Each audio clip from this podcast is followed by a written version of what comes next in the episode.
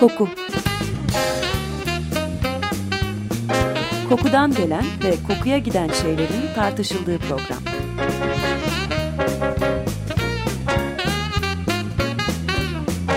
Hazırlayan ve sunan Vedat Ozan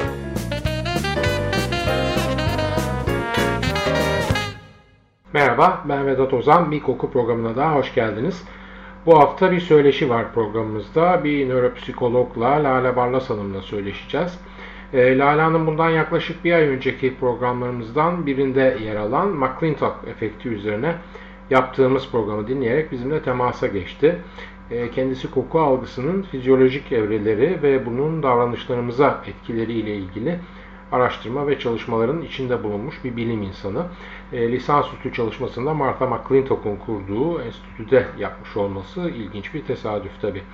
Bugünkü söyleşimizde Lale Hanım'la daha önce yapılmış iki bilimsel araştırmaya değineceğiz. Bu araştırmalardan ilki e, Martha McClintock'un feromonlarla ilgili çalışma yaparken üzerinde durduğu kadınların ovülasyon ve menstruasyon dönemlerinin üçüncü kişilerce algılanması üzerine.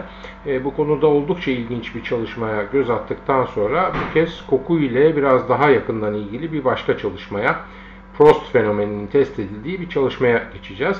E, Marcel Proust'un Kayıp Zamanın İzinde adlı eserinde tasvir edilen çaya batırılmış bisküvi kokusunun Proust'u o kendi geçmişine doğru oldukça duygulu e, bir yolculuğa çıkarması diye de adlandırabileceğimiz Proust fenomeni bu konuda çalışma yapan bilim insanları tarafından sıkça ele alınan ve kokuyla hafıza arasındaki ilişkiye deyim yerindeyse uyanmamıza yol açan fenomen aslında.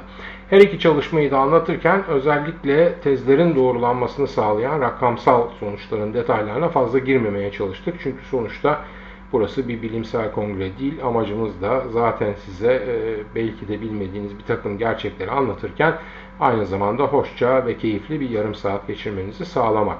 Ee, söyleşiyi benim ofisimde küçük bir kayıt cihazı yardımıyla yaptık. Biz söyleşiyi yaparken ofisimin olduğu binada yapılan tadilat çalışması nedeniyle zaman zaman duyacağınız o tamirat ve matkap gürültülerini mazur göreceğinizi umarak söyleşimize başlıyoruz. Lale Hanım hoş geldiniz. Bize biraz kendinizden bahseder misiniz?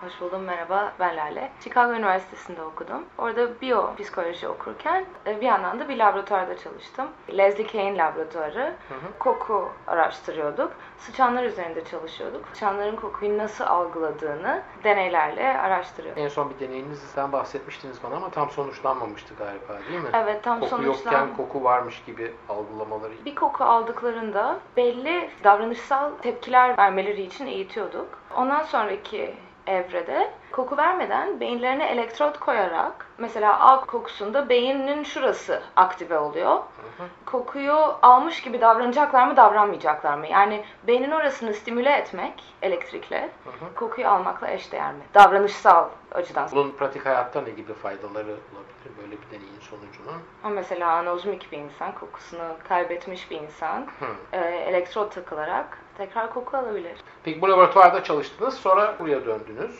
Evet bir gün radyoda dinlerken bizim programımıza rastladınız. Evet. Ve feromonlardan bahsettiğimiz programdı galiba değil mi? Evet, feromon programıydı. Feromon programıydı. Martha McClintock'tan bahsettik ve sizin de bulunduğunuz enstitü zannediyorum Martha McClintock'un kurduğu enstitüydü galiba değil mi? Yanlış evet, mı? ben Martha'dan bir ders almıştım. Öyle mi? Evet. Hı. Bağışıklık sistemi ile ilgili Hı. çok güzel bir dersti. Zaten MHC'de o derste öğrenmiştim. Peki, ondan sonra sizinle yazıştık. Böyle birkaç konu tartıştık hatta ve bu çok uzun zamandır bahsetmediğimiz birkaç programdır araya çünkü parfümler girdi. Çok uzun zamandır bahsetmediğimiz bu nörolojik algı ve bununla ilgili deneylere sizin sayenizde biraz geri dönelim. Ben lap ne olduğunu kısaca açıklayayım izleyicilerimize. Ben de bilmiyorum çok fazla aslında. Ben de araştırarak buldum yani. Lap Amerika'da zannediyorum yasal olarak izin verilmiş en intim ilişki şekli tanımadığı bir kadınla bir erkeğin arasında böyle bir bara gidiliyor işte. Bu kızlar çıkıp bir sahnede dans ediyorlar. O sahnede dans etmeleri aynı zamanda kendilerini vitrinde göstermeleri gibi bir şey. Çünkü esas amaçları daha sonra masaya gelip dans etmek veya bir locaya çekilip dans etmek. Ama burada yani herhangi bir şekilde bir ilişkiye falan girilmiyor. Sadece böyle bir şey var. Yani karşılıklı işte birbirini uyarmak falan gibi sayabileceğim bir takım şeyler var. Tabii tabii. Erkeğin ee, dokunması yasak. Kadının üstünde dokun... belli bir takım Hı. giysiler olmak zorunda. Başta zannediyorum o genel dansta çok az bahşiş alıyorlar. Ya bahşişe dayalı bir sistem bu daha doğrusu. Evet. aynen. Masadayken işte 10-20 dolar falan alıyorlar. Locaya geçtikleri zaman 40 dolar falan. Hatta bir yerde okumuştum. Zengin bir müşterisi varsa ve onu işte birkaç seans boyunca kalmaya ikna ederse saatte 400 dolar falan gibi bir bahşiş alabiliyor orada çalışan bir kadın. Bunun ötesinde herhangi bir ilişki falan yasak. Zaten çok sıkı kontrol ediliyor bildiğim kadarıyla. Bu çalışmada galiba lap dancerların, bizde tam karşılığı yok bunun, striptizci diyeceğim olmayacak, yani konsomatrist diyeceğim olmayacak. Evet. Lap dancerların, bu Martha McClintock'tan konuya girdik tabii. Yani işte o adet dönemlerinin senkronize olmasından girdik konuya. Lap dancerların adet dönemlerinin bahşiş almalarını nasıl etkilediği üzerine bir çalışma. Değil mi bu üzerine konuşacağımız herhalde? Evet aynen öyle. Martha McClintock'un teorisi feromon yoluyla kadınlar bir kimyasal iletişim halinde olup menstruasyon dönemleri senkronize oluyor. Bu araştırmanın sorduğu soru ise kadınlar feromonlarla erkeklerin algıladığı bir kimyasal iletişimde bulunuyorlar mı? Yani buradaki soru aslında sadece erkekler lap dancerları yani bu kucak dansçı kadınları adetlerinin belli bir döneminde daha çekici buluyorlar mı? Belli bir döneminde daha az çekici buluyorlar mı? Bahşiş miktarından ölçerek soruyu yanıtlamak bunun Tabii amacı. bu en net ölçüsü de herhalde bahşişle olabileceği için böyle böyle. Çok ilginç ya böyle bir şey araştırma yapmak için aslında. Çok iyi bir fikir değil mi? Yani, peki nasıl gelişiyor bu araştırma? Yani bu bunun etkileyip etkilemediği araştırmanın temel sorusu. Evet. Nasıl bir deney yapıyorlar bununla Ee, ilgili olarak? Albuquerque'de yani Amerika'da 18 tane kadınla yapılıyor. Kadınlar belli bilgiler veriyorlar her gün. Bir internet sayfasına sanırım kaydediyorlar bu bilgileri. Kendi istekleriyle veriyorlar. Yani dışarıdan bir gözlem yok. Kadınların ifadeleri. Evet evet tamamen. Orada e, güvenmek zorundayız kadınların söylediklerine. Adet dönemlerin hangi evresinde olduklarını yani işte yumurtlama dönemi ve menstruasyondalar mı, luteal dönem. Ondan sonra ruh halleri, mesai süreleri, mesai saatleri ve bahşiş miktarları tabii ki. Bilim insanları bu datayı analiz ediyorlar ve gerçekten de bir ilişki buluyorlar. Bahşiş miktarı ve kadınların bulunduğu evre, dönemdeki nokta ile E, bir ilişki olduğu kanıtlanıyor dediniz. Nasıl fark ediyor? Yani hangi dönemde ne kadar bahşişleri artıyor mu, düşüyor mu? Nasıl bir sonuç çıkıyor buradan? Şimdi bunu açıklamak için önce hipoteze dönmek isterim. Hipotezlerden bir tanesi, yani düşündükleri şeylerden bir tanesi, kadınlar yumurtlama dönemlerinde, yani çocuk yapmaya aslında müsait oldukları dönemde erkeklere daha çekici geliyorlar. Erkekler onları daha çekici olarak algılıyor ve böylece çocuk yapma ihtimalleri yükseliyor. Yani biraz evrimsel bir bakış açısı. Diğer hipotez bunun tersi. Hiçbir anlamlı ilişki yok. Kadınların bahşişi tamamen ayrı bir şekilde hareket ediyor. Kadınların menstrual döngülerinden, dönemlerinden. Fakat birinci hipotez yani bir ilişki olduğunu buluyor bilim insanları. Menstruasyon döneminde e, 37 dolar alan kadınlar yumurtlama döneminde 67 dolar alıyorlar ve bu ikimiz, Analiz. ikimizsin neredeyse. Ve erkekler daha çok ilgi duyuyor demek. Yani bu o dönemde nasıl algılıyorlar? Feromonlar vasıtasıyla algılandığını mı varsayıyoruz? Şimdi tam olarak feromon sonucuna varmak %100 mümkün değil. Çünkü farklı olasılıklar var. Mesela sizin daha önceki bir programınızda bahsettiğiniz psikolojik olay var. Siz Wonder Bra'dan bahsedince kadın kendini daha seksi hissettiği için daha seksi davranıyor. Yani böyle bir geri dönüşüm mekanizması şeklinde düşünürsek kadın yumurtlama döneminde kendini daha çekici hissediyor. Daha doğurgan. Evet daha doğurgan olduğu için ondan gelen bir proaktif bir şekilde kadından kaynaklanan hani daha çekici dans etmek ya da öyle bir şey erkeğin daha çok bahşiş vermesine ne- neden olmuş olabilir. Ya da farklı çalışmalar kadınların yumurtlama döneminde fiziksel olarak biraz değiştiğini gösteriyor. Mesela kadınların e, bel kalça oranı değişiyor Öyle mi? yumurtlama döneminde. İdeal olan 0.7'ye daha çok yaklaşıyormuşuz. e, Oran olarak söylüyorsun. Evet, Öyle mi? oran olarak. Bilmiyorum. Yani daha inceliyor mu?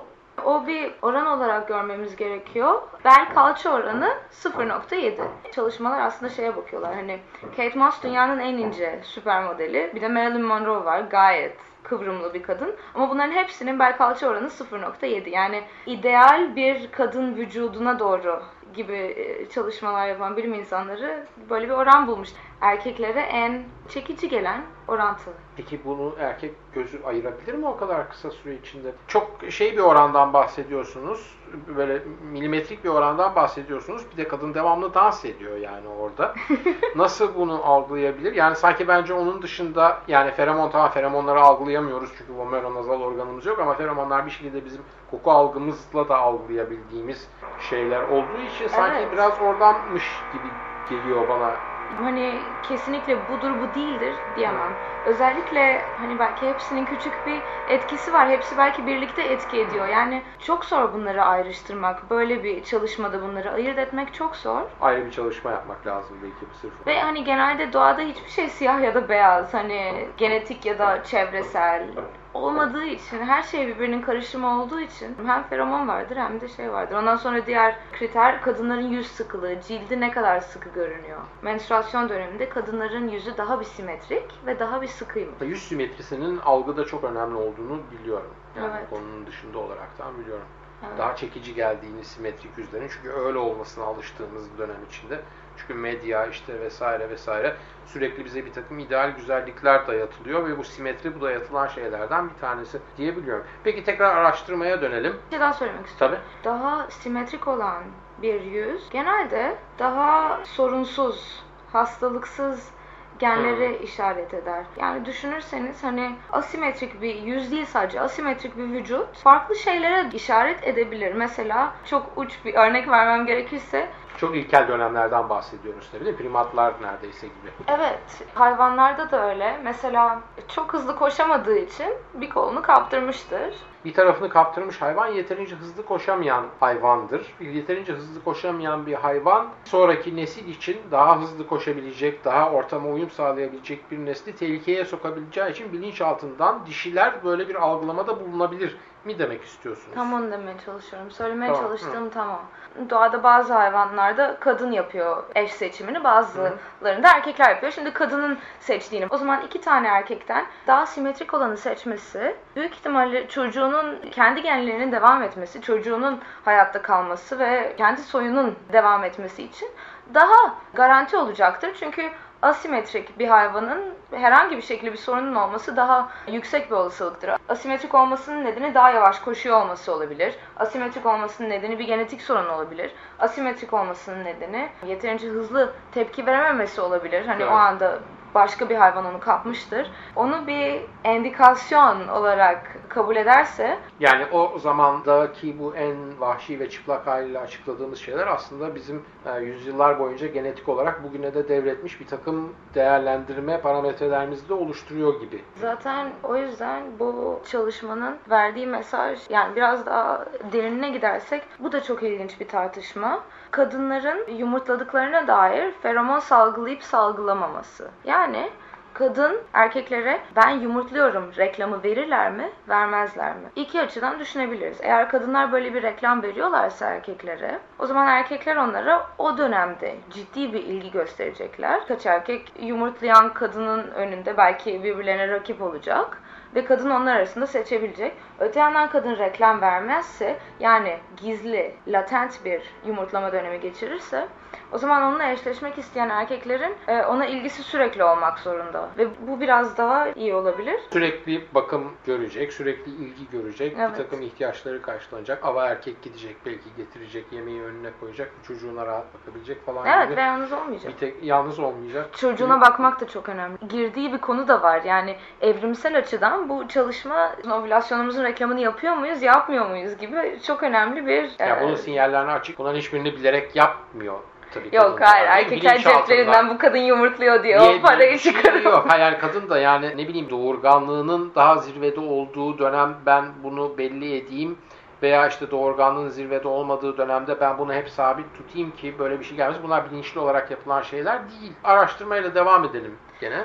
Bulunan efekti söyledik. Yumurtlama döneminde 67 dolar kazanan kucak dansçıları, lap dancerlar menstruasyon döneminde sadece 37 dolar kazanıyorlar. Yani ciddi bir fark var arada. Erkeklerin herhangi bir şekilde onları daha çekici olarak algıladıklarına dair bir kanıt gelmiş oluyor. Fakat bunu işte demin söylediğimiz gibi feromondan mı yoksa kadının psikolojik davranışından mı olduğunu tam olarak ayırt edemeyeceğiz. Kadınların bu çalışılan ilişki hakkında pek bir fikirleri yoktu. Yani bahşiş miktarları ve adet dönemleri arasındaki ilişki ya da hipotezler hakkında pek bir fikirleri yoktu. Ha, bu çalışma hakkında hiçbir şey söylenmemiş Sadece Söylendi. sizinle bir çalışma. Evet. Fakat mesela alakasız bilgiler de toplanılıyor. Şaşırtmak Çok- için. Evet, çok apaçık ortada olmasın ve kadın yani kadının zaten motivasyonu para kazanmak olduğu için şeyden şüphelenmeye gerek yok. Hani kadın bunu doğru çıkarmaya ya da yalanlamaya çalışıyor bu çalışmayı. Hani öyle bir motivasyon var. Onu göz ardı edebiliriz. Fakat yani çok karmaşık ilişkiler bu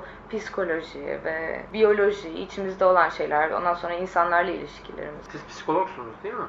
Ben evet klinik psikolojide master yaptım. Peki klinik psikolojide hukukuyla hafıza ilişkisi üzerine de çalıştınız mı?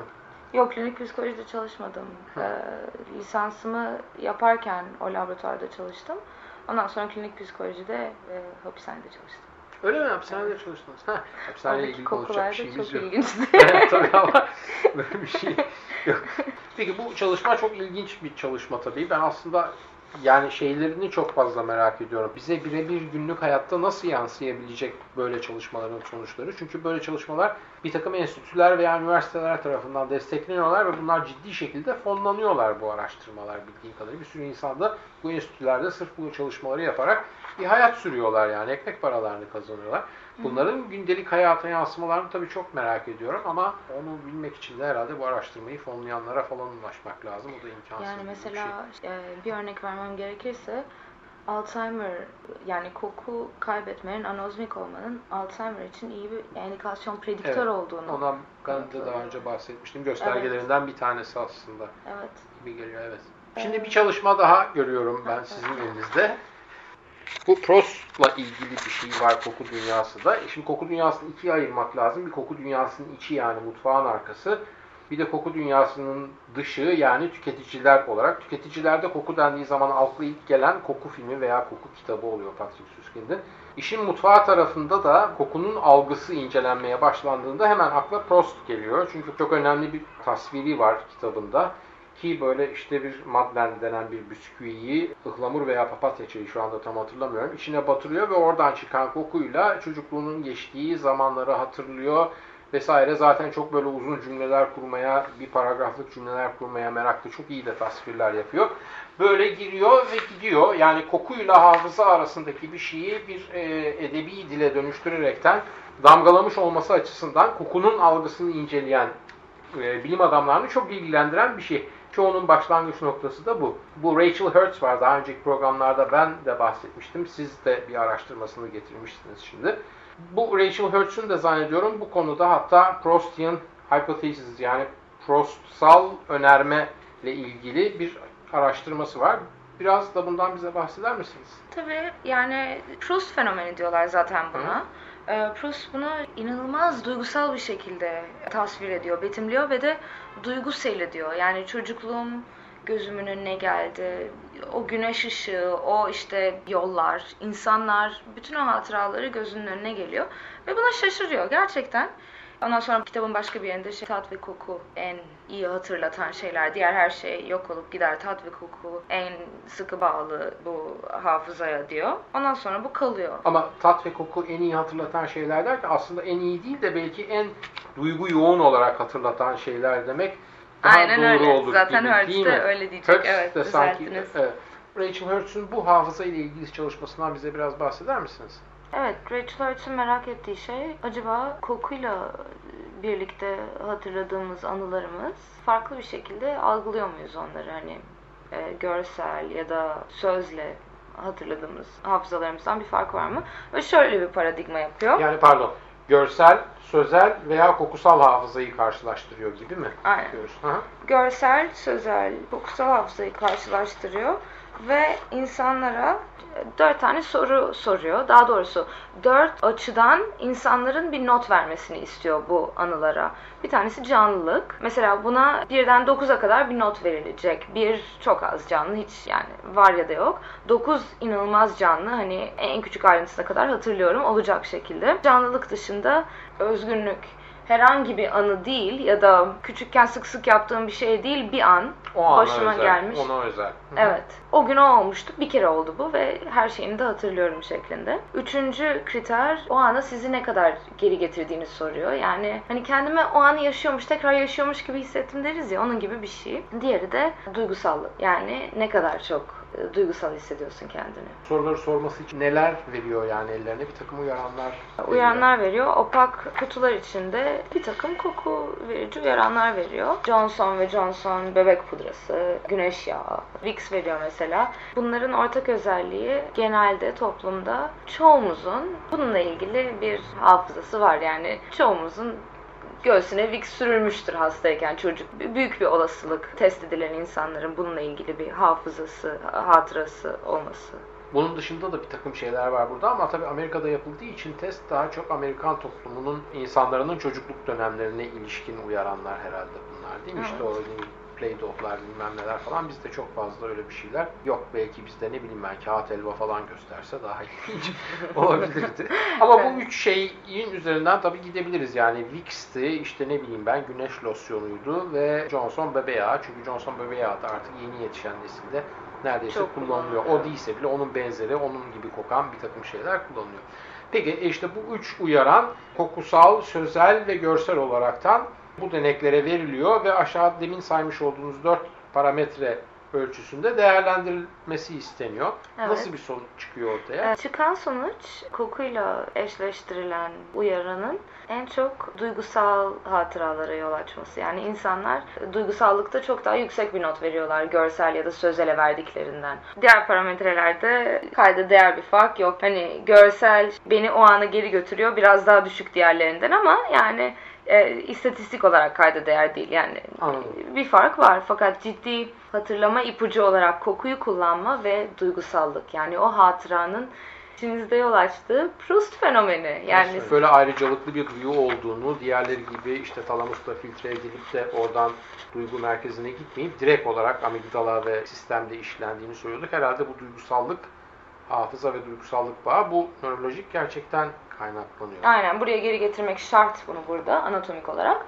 Bu Rachel Hurt ve arkadaşlarının gösterdiği bu efektin yani koku ile uyarılan e, hatıraların bizde daha yüksek bir duygusallığa yol açmasının nedeni koku sisteminin yani olfactory sistemin limbik sistemle çok direkt bağlar içerisinde olması nedeniyle yani çok daha kısa bir mesafe var. Daha az farklı nöron var. Yani daha az sinaps, daha az nöronlar arası Kesinti. Kesinti, aynen. Durak var. Bu yüzden birbirine bu kadar bağlı iki sistem, yani e, koku sistemi, olfactory sistem ve de duygularımız. Hani bir tanesi uyarıldığında diğerinin de dolayısıyla yani sadece yan etki olarak uyarılması daha büyük bir olasılık ve nitekim olan şey de bu. Baktığımız iki çalışma, kapatmak gerekirse konuyu, çok alakasız gelebilir. Fakat aslında çok önemli çalışmalar. Birincisi ilginç aslında. Siz de ilginç bulmuş olabilirsiniz. Evet, yani nereden insanın aklına gelir ki lap dance'çilerle böyle bir çalışma yapmak falan gibi diye düşündüm ben. Sonra şimdi demin sizin verdiğiniz araştırma kağıtlarının dibindeki referanslara baktım. Bu konularda bir sürü araştırma yapılmış. Çok fantazi gibi gelebilecek bir konu üzerine insanlar bayağı kafa yormuşlar ve emek harcamışlar. Onun nedeni aslında çalışmanın çok fantezi olmaması. Yani aslında lap dance, kucak dansı ve bahşişe bakmıyor orada. Aslında demin konuştuğumuz ben ovülasyonumun reklamını yapıyor muyum? İnsan dişisi olarak. Bu ikinci çalışmada duygular. Konu hakkında çok az bilgiye sahibiz ve çok ilginç konular aslında. Çok önemli konular aynı zamanda. Hem ilaç endüstrisi hem tıp alanında, davranış bilimleri alanında çok önemli şeyler. Ve sırf kendimizi anlamamız açısından da ilginç. Yani ben de bazen merak ediyorum. Bir koku alıyorum. Ondan sonra garip hani neden böyle bir duygu hissettiğimi merak ettiğim oluyor yani. Yani kokunun nörolojik algısı aslında dışarıda da yakın zamana kadar çok fazla önemsenmemiş gibi geliyor. Bir tek işte bu bundan birkaç sene önce Nobel Tıp Ödülünü koku alanında yapılmış bir çalışmaya vermekle orası çok fazla eğilmeye başladı ama bizde böyle bir çalışma yapılıp yapılmadığından benim çok fazla bir haberim yok. Bunlar hem bilim, tıp alanında çok önemli şeyler hem de vücudumuzu tanımak, anatomiyi anlamak açısından çok önemli şeyler ve çok az çalışılmış. Gerçekten de koku en az çalışılmış. Duyumuz sonuçta görsel duyumuz, visual sistem, görsel sistem hakkında çok daha çok şey biliyoruz. Koku deyince aklımıza daha çok herhalde bir tek parfümlerin büyülü dünyası geliyor. Bu yüzüne fazla da eğilmiyoruz. İnşallah ileride biz de elimizden geldiğince bu program dahilinde katkıda bulunmaya çalışarak bu konuyu işlemeye çalışacağız. Size bu vakti ayırdığınız için çok çok teşekkür ediyorum. İnşallah ileriki programlarda tekrar bir araya geliriz. Çok teşekkür ediyorum. Ben teşekkür ederim. Evet efendim bu haftalıkta bu kadar. Umarım bu iki çalışma size de ilginç gelmiştir ve koku veya kimyasal iletişimin sadece parfümler dünyası ile sınırlı kalmadığının altını çok da canınızı sıkmadan çizebilmişizdir. E, Lale Barlas Hanım'a programımıza gösterdiği ilgi ve ayırdığı zaman için tekrar teşekkür ediyorum. Haftaya bir başka kokuda tekrar buluşmak üzere soru, öneri ve eleştirileriniz için e-posta adresimizi veriyorum her zaman olduğu gibi. kokuprogrami.yahoo.com Ben Vedat Ozan, radyonuz kokusuz kalmasın sevgilerimle.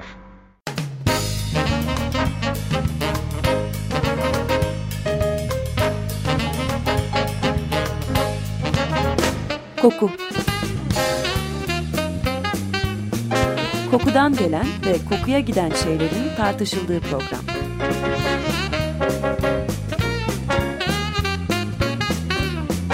Hazırlayan ve sunan Vedat Ozan